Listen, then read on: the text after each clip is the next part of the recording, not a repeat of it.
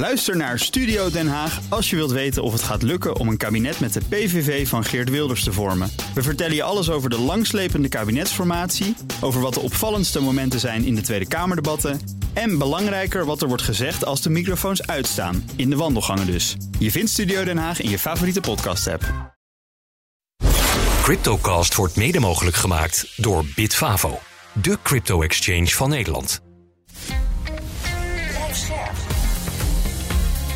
BNR Nieuwsradio. Cryptocast. Herbert Blankenstein. Welkom in de Cryptocast met vandaag Guatemala gebruikte afgelopen zomer de Bitcoin-blockchain voor het beveiligen van de verkiezingen. En dat is een primeur. Ethereum ging een jaar geleden over op proof of stake, geen energievretende mining meer. Hoe staan ze er nu bij bij Ethereum? Dit is Cryptocast nummer 291 met een half uur crypto nieuws op de radio. Mijn co-host daarbij is Daniel Mol, redacteur bij Cryptocast en BNR Digitaal. Hoi. Goedemiddag Herbert, hallo. En we geven geen beleggingsadvies. Vorm je eigen mening, maak je eigen keuzes. Geef ons niet de schuld. Crypto kan lucratief zijn, maar is ook riskant. Guatemala blijkt de Bitcoin-blockchain te hebben gebruikt bij de verkiezingen in het land afgelopen zomer. En dat is een primeur, want nog nooit eerder gebruikte een land de blockchain om verkiezingsdata te beveiligen. Daniel, een primeur, uh, wat weet jij ervan? Ja, begin, ik begin een beetje met wat achtergrond. Want Guatemala heeft, dus de, de Latijns-Amerikaans land, heeft best wat gedoe gehad in het verleden met corruptie. Uh, daar zijn de verkiezingen natuurlijk ook wel vatbaar voor. Ja. En voor de verkiezingen van afgelopen zomer blijkt dus nu, uh, en dat gaat dan zowel om de algemene verkiezingen van 25 juni als de race om het presidentschap, een soort tweestrijd op 20 augustus. Zij, zij hakken die verkiezingen een beetje op. Uh, dat daar de Bitcoin-blockchain is ingezet. En dat is samen gedaan met de start-up Simple Proof. En dit Guatemalese bedrijfje zette dan de Bitcoin-blockchain in om timestamps, documenten op eigenlijk de blockchain te zetten, eh, min of meer. En op die manier het veiliger, het verkiezingsproces veiliger te maken. Ja, en dat gaat dan, eh, als ik het goed heb begrepen, om documenten die, waarin de getelde stemmen zijn eh, ondergebracht. Ja, want in Guatemala stemt men gewoon nog met papier, zoals het hoort. Nou, daar komen we zo wel op, Herbert. Dat is jouw, jouw dingetje. en de resultaten die uit die stembureaus komen, worden inderdaad verzameld en op papier geschreven van oké, nou dit stembureau is zoveel en zo zoveel gestemd. En al die ingevulde documenten worden dan uh, uh, geüpload naar Simple Proof. En die zetten het dan op de, op de Bitcoin blockchain. Met een techniek die heet Open Timestamps. Nou, leg ik zo uit wat dat dan precies is. Mhm. Maar het handige is dus dat er op het moment dat die op de Bitcoin blockchain staan, zijn die niet meer aan te passen, die documenten. Dus achteraf kan er niet meer gesjoemeld worden. het is niet een soort heilige graal, deze oplossing. Want er kan natuurlijk ook in een stembureau zelf kan er nog van alles uh, gebeuren. En ja. uh, het is dus niet een. Weet je, in die zin is het garbage in, garbage out. Juist, dat Alleen het is wel dat je achteraf is het heel veel moeilijker om te sjoemelen met dat soort verkiezingsdocumenten. Uh, ja, en waarom speciaal een, een blockchain? Waarom de Bitcoin blockchain? Kan het niet anders? Het, je zou inderdaad in theorie een andere blockchain hiervoor kunnen pakken. Alleen Bitcoin is gewoon een hele veilige blockchain. En uh, je noemde net in, uh, in je intro al over, had je het over het energievretende mining van Ethereum. Nou, bij Ethereum doen ze dat niet meer, bij Bitcoin wel. En dat is ook voor een goede reden, namelijk dat het heel erg moeilijk is om iets kwaadwillends te doen met die blockchain. Als jij niet een meerderheid van de rekenkracht hebt van het netwerk, is het eigenlijk onmogelijk om iets geks uh, daarmee te doen of iets te veranderen terug in de tijd. Ja. En daarom is die, de Bitcoin blockchain echt bij uitstek heel erg veilig, want het kost gewoon honderdduizenden, misschien wel miljoenen euro's om überhaupt iets te kunnen veranderen. Ja, en is het ook achteraf gebleken dat het goed is dat ze dit zo gedaan hebben? Uh, ja, want er is, uh, nou, we weten natuurlijk niet helemaal welke rol precies de blockchain daarin heeft ge, gespeeld. Alleen Bernardo Aravelo, als ik het goed zeg, die heeft uiteindelijk de presidentsverkiezingen gewonnen. Dat was niet de voor de hand liggende winnaar van tevoren. En de partij die verloor, dat was UNE, UNE. die heeft achteraf gezegd: jongens, er is hier sprake van fraude. En uh, nou, dat zie je, er komt er onwijs geharrewar. En er worden dan uh, de stemkantoren uh, overvallen door de politie en zo. Nou, heel gedoe. En op Twitter, op X, publiceerde UNE dus wat bewijs hiervan. En daar is mede door dat die, die documenten vast waren gelegd in de blockchain, is, kunnen, uh, is gezegd: jongens, dit, jullie bewijs klopt niet. Volgens, uh, volgens ons is de verkiezing gewoon goed verlopen. En dat is toch best een best bijzondere. Ja, ja. ja. zolang inderdaad het tellen van de stemmen reglementair is verlopen. Want dat is dus niet wat is vastgelegd. Ja, nee, in die zin is het dus wel garbage in, garbage out. Ja. Als er gewoon, als die documenten in het stembureau uh, al, als daar gefraudeerd mee wordt, of er gaat iets fout met het stemmen zelf. Je krijgt een pistool op je kop en je moet stemmen. Er kunnen natuurlijk allerlei dingen fout gaan. En daar is een blockchain helemaal geen oplossing voor.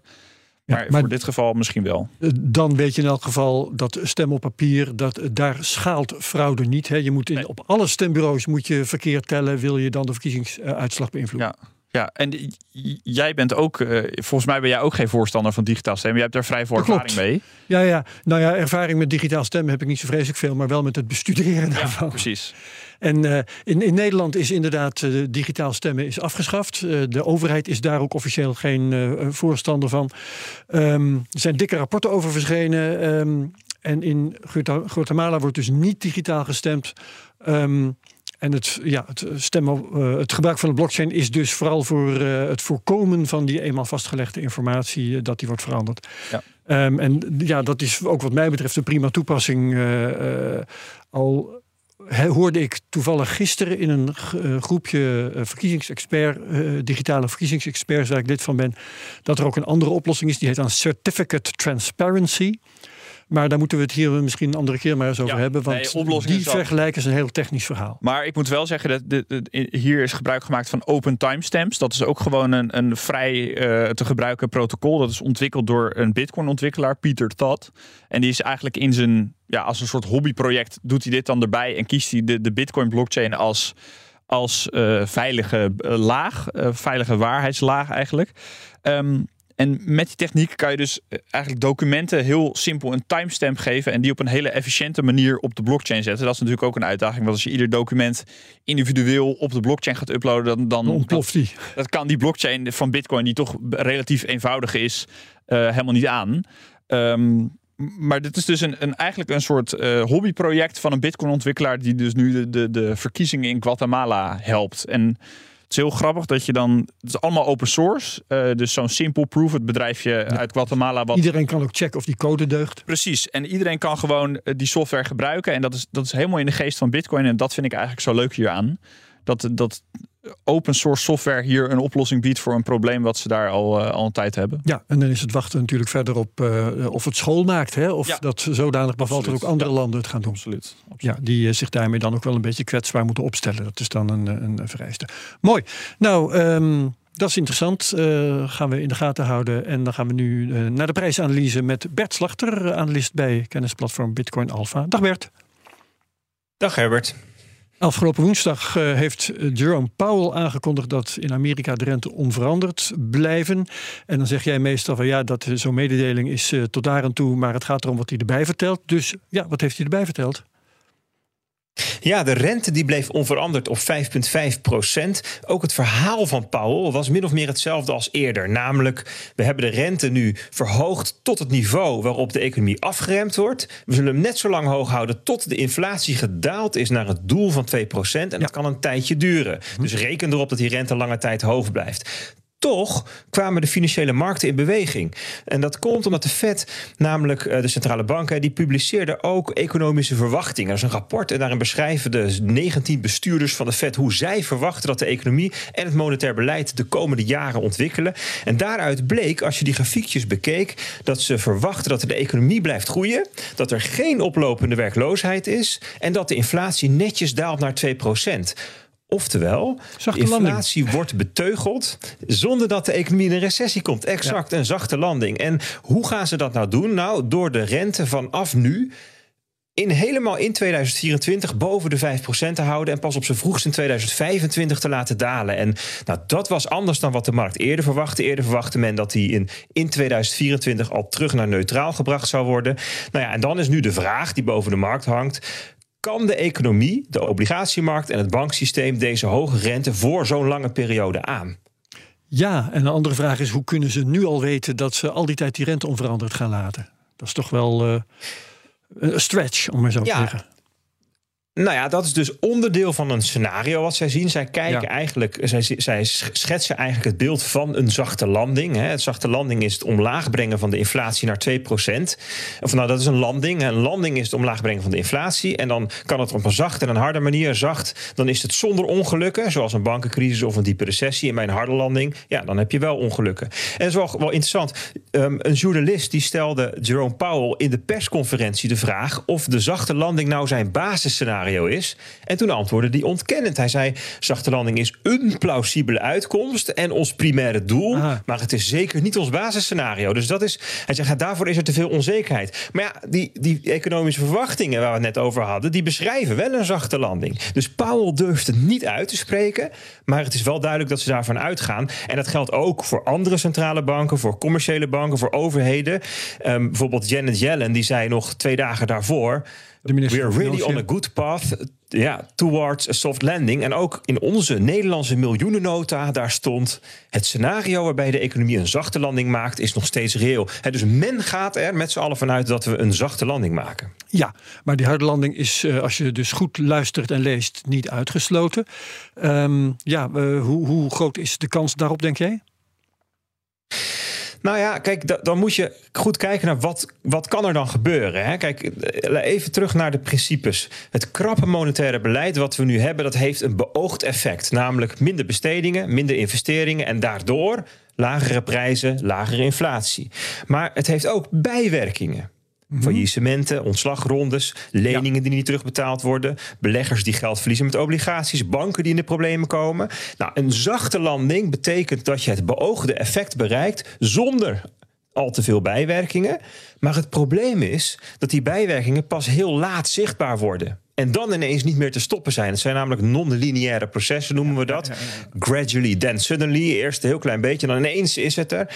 En je zou dus kunnen zeggen dat elke harde landing... die begint met een zachte landing. Het is, het is net zo lang een zachte landing tot het niet meer is. En dan denk je van ja, dat is, dat is een tegeltjeswijsheid. Maar als je gaat kijken naar krantenberichten in die periode. Um, uh, nou, of gewoon in het algemeen gaat zoeken op de tekst soft landing in, in krantenberichten. En dat heeft Bloomberg toevallig gedaan afgelopen weken. Dan krijg je een mooi grafiekje van wanneer praat men nou over soft landings. Nou, ook bij alle hard landings van de laatste decennia zie je dat daarvoor eerst heel uitgebreid en lang gepraat wordt over een soft landing. Ja, tot er deze crisis blijkt te zijn. Weet je wel, daardoor weten we ook van ja, het is normaal dat ook als er straks een hard landing blijkt te zijn, dat we het nu over een soft landing hebben. Andersom is het feit dat we nu over soft landing praten natuurlijk geen garantie dat het uiteindelijk een harde, harde landing wordt. Hè? En dat is een, het, het, moeilijke waar de financiële markten en wij met z'n allen nu voor staan, is dat je beide scenario's kunt onderbouwen met argumenten en met data. En dat betekent dat wij als beleggers, ondernemers, burgers, dus met beide scenario's rekening moeten houden. Ja, tot en met 2024. Eh, ja, net zolang tot er of iets misgaat of de inflatie beteugeld is. Dat is eigenlijk, zijn de twee mogelijke eindpunten. Ja, ja. Nou, uh, laten we dan nog even, want daar zijn wij hiervoor eh, naar Bitcoin kijken. Uh, die trekt zich eigenlijk van al dat roezemoes weinig aan. Blijft kabbelen tussen de 26 en 27.000 dollar. Is het nou een teken van kracht, want trekt zich van de dreiging niks aan, of zwakte, want hij stijgt niet? Ja, nou ja, ik vind dus gegeven deze context.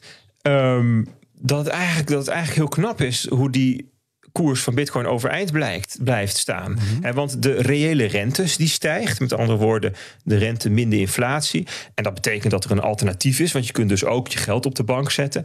En ook de koers van de dollar stijgt. En allebei zijn over het algemeen in principe tegenwind voor Bitcoin. En toch gaat de, de, koers al vijf weken zijwaarts tussen 25 en 28.000 dollar. En ik moet zeggen, dat vind ik best indrukwekkend. Ik had eigenlijk meer zwakte verwacht. Dus uh, ja, wat dat betreft um, ben heel benieuwd hoe oktober eruit gaat zien. Ja, mooi. Nou, oktober komt vanzelf. En uh, dan hebben we het er weer over. Dankjewel, Bert Slachter, analist bij kennisplatform Bitcoin Alpha. Uh, met uh, Daniel Mol hier ga ik verder met het nieuws. Een jaar en elf dagen geleden ging het Ethereum-netwerk van Proof of Work naar Proof of Stake. Nou, wat is er uh, sinds die tijd veranderd? Hoe staat Ethereum er nu voor, Daniel? kun jij nog even kort samenvatten wat het verschil ook weer is? Proof of Stake, Proof of Work? Ja, Proof of Work, dat kennen we van Bitcoin. En dan moet je gewoon de, de energie slurpende miner voor je zien. Nou, dat ligt natuurlijk ook genuanceerder, maar daar zet je heel veel rekenkracht, heel veel energie in om die Bitcoin blockchain te beveiligen, om transacties te faciliteren. Ehm, Ethereum is overgestapt op proof of stake. En dat wil zeggen dat mensen hun, hun ethers, hun tokens, in een pool kunnen stoppen, kunnen samenbrengen en dan kunnen steken. En op basis van kansberekening krijgen de stekers dan eigenlijk de kans om het volgende blok te genereren en op die manier transacties te faciliteren. Nou, het is gewoon een, een ander systeem waar bijvoorbeeld heel veel, waar als grootste voordeel aan zit, het kost minder energie. Ja, en het uh, werkt anders. Uh, er wordt op een iets andere manier beslist. Maar het, enfin, het, het heeft dus een jaar lang gewerkt. Um, werkt het goed? Uh, wat, wat kun je zeggen? Heeft Ether daarbij wel gevaren? Nou ja, we zijn, we zijn een jaar verder. Uh, en uh, zelfs de, de, de grootste critici uh, van Ether moeten toch toegeven. Die, die overstap is succesvol verlopen. De, de, vorig jaar hadden we het heel vaak. Was er een soort cliché vergelijking van een vliegtuig al vliegend van motoren veranderen. Ja. want Ethereum is een netwerk van 200 miljard. waar dus heel veel belangen in zitten. Heel veel.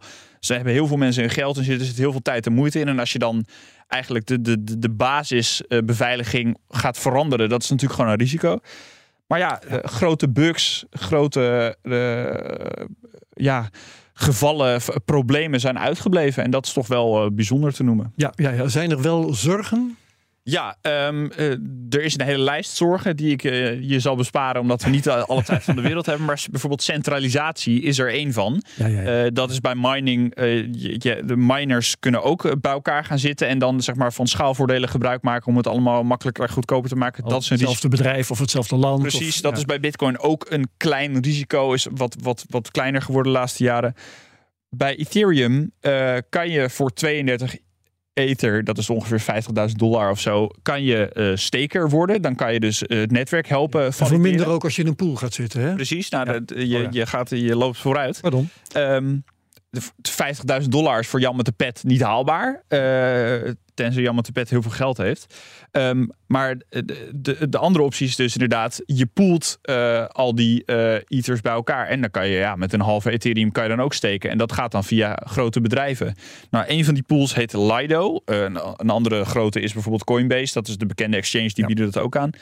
En bedrijven als Lido en Coinbase verzamelen al die Ethereums uh, bij elkaar. En dan kan je dus uh, veel goedkoper en veel makkelijker steken. En dan nemen zij een deel van de beloning die je krijgt van het steken. Dat is dus best een probleem. Want Lido bijvoorbeeld in dit geval heeft 32,5% van alle gesteekte Ethereums in bezit. Oké, okay. um, dat is marktmacht. Precies, en beveiligers, beveiliging-experts zeggen, Ethereum-developers zeggen, ja, vanaf 33% kan dat wel eens problematisch worden, want dan is het eigenlijk Lido die een derde van de transacties valideert van het hele Ethereum-netwerk. Ja, dat gaat mogelijk problemen opleveren. Ja, nou ja, wie, wie beslist dan? Het, het zijn dan de eters van een hele hoop mensen. Ja, maar die hele hoop mensen hebben, er, eh, hebben in heel veel gevallen geen zeggenschap daarover. Geen dus concrete zeggenschap. Die komen eigenlijk alleen het rendement van een paar procent per jaar ophalen. Zoals je bijvoorbeeld rente op een obligatie krijgt, krijg je dat ook via ja. het Ethereum-netwerk. Ja. En dat bedrijf Lido, dat is. En Lido is uiteindelijk eindverantwoordelijk, want die beheert uiteindelijk de pool. En dat is uh, mogelijk een risico. Kijk, het zou natuurlijk oliedom zijn van Lido om hun eigen met de ouder, uh, geie, gouden eieren excuus, te slachten dat gaan ze waarschijnlijk niet doen, maar het is wel een risico. Ja, helder. Oké, okay, er gebeurt meer in de etherwereld, want er uh, is een aanvraag uh, ingediend voor een Ethereum Futures uh, ETF. Sterker nog, er, komen, er zijn zelfs aanvragen ingediend voor een Ethereum Spot ETF. Dat is nog bijzonderder. Ook al? die, dat gaat sneller dan ik dacht. Ja, die, ja. die futures ETF's, die, de, kan heel goed zijn dat die er gewoon gaat komen. Misschien zelfs dit jaar, misschien ook volgend jaar. Uh, de SEC, de Amerikaanse beurstoezichthouder, lijkt wat minder bang voor die, voor die ETF's gebaseerd op derivaten. Ja, want die hebben ze voor Bitcoin al goedgekeurd. Voor Bitcoin is die al sinds november 2021 uh, is die er al. Dus de, daar lijkt wat minder angst te zitten. Vaak is het marktmanipulatie waar ze dan heel bang voor zijn. Ja. Uh, of zeggen te zijn, hè? Zeggen te zijn, inderdaad. Uh, en nu liggen er dus ook wel twee aanvragen voor een Ethereum Spot ETF, die er bij Bitcoin nog niet is. Daar hebben we het heel vaak over. BlackRock, uh, ja. grote vermogensbeheerder, heeft hij bij Bitcoin ingediend. En wie zijn hier de aanvragers? Uh, van Eck, dat is een, ook een vrij bekende partij. En Ark Invest, dat is ook geen kleine van, van Katie Boot. Ja, ja, ja. Um, het zijn nog geen partijen van het niveau BlackRock. Daar kan je eigenlijk niet het overheen. en we zeggen dan altijd, ja, als BlackRock het doet, dan is de kans heel groot dat het wel goed zit. Maar het is wel, ja, weet je, in het proces van volwassenwording volgt Ethereum Bitcoin daar toch wel echt, echt op. Ja, en bij Bitcoin wordt gezegd: nou, als de ETF er komt, dan zal de koers uh, een, een, paar keer over de kop gaan. Uh, denken wij dat bij Ether ook? Ja, dat vind ik ook wel een beetje. Dat is, dat is de hoop inderdaad bij Bitcoin dat dat gaat gebeuren. Er, ja. er is inderdaad, een, je krijgt dan gewoon toegang tot meer beleggers. De vraag wordt, uh, de vraag wordt niet per se groter, maar de, de, de toegangswegen naar Bitcoin of in dit geval naar Ethereum wel. Dus ja, het is nog maar even afwachten. Uh, zowel voor Bitcoin als voor Ethereum als er komt. Alleen het is natuurlijk wel een hele belangrijke goedkeuring. Een stap in het volwassen worden, wat ik net al zei. En dan zou je kunnen zeggen dat beleggers Ethereum ook een stuk serieuzer gaan nemen. En dan gaat misschien de prijs wel omhoog. Ja, in elk geval heeft de aanvraag van die uh, eh, ETF de Ether geen boost gegeven. Want die staat op uh, iets onder de 1600 dollar. Dus de, de markt is er nog niet van onder de indruk. Ja, uh, klopt. Uh, Bert Slachter die vertelde ons net dat het ook bij Bitcoin eigenlijk een beetje, een beetje saai is. Het kabbelt. En in tijden van uh, dat het kabbelt en een beetje saai is, dan is vaak Bitcoin wat sterker dan de rest. Mensen willen toch wat minder risico nemen. En dan is Ethereum nog een stukje risicovoller dan, dan Bitcoin. Ja. Um, maar ja, weet je, als je kijkt bijvoorbeeld naar uh, andere altcoins, die dus nog wat kleiner zijn dan Ethereum, daar, uh, als, het, als het een slechte dag is, wordt, vindt daar een slachting plaats. En Ethereum houdt zich dan nog relatief goed staande. Dus het is Dat maar is hoe je het bekijkt. Het is gewoon een iets meer risico en nu wil de markt juist iets minder risico. Ja, nou ja. ja en, en uh, wat gebeurt er op dit moment in de categorie concurrenten van Ethereum? Ethereum killers, ja, Solana, Cardano? Die, die, die, zijn er inderdaad wel en die, die blijven ook wel bestaan inderdaad. Cardano noem je, Solana noem je, Polka Polkadot heb je, Avalanche. Ja. Die doen het allemaal eigenlijk nog ietsje minder goed. Ook ten opzichte van Ethereum. En uh, ja, genoeg kapers op de kust. Genoeg use cases en goede ideeën die mogelijk Ethereum zouden kunnen vervangen. Alleen in deze fase van de markt uh, gaat dat niet gebeuren. En als misschien de boel omhoog gaat, dan kan je weer eens kijken naar hoe die het gaan doen. Of, of een nieuw project.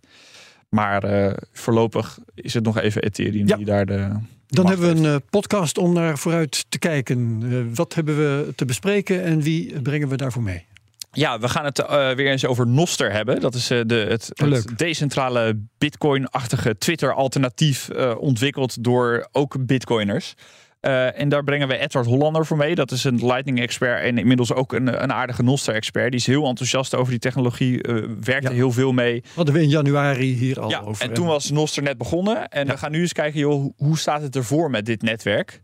Um, dat is best interessant, want er lijkt wel een soort race ontstaan om Twitter of X te vervangen. Uh, Mastodon was jij ook al vroeg bij.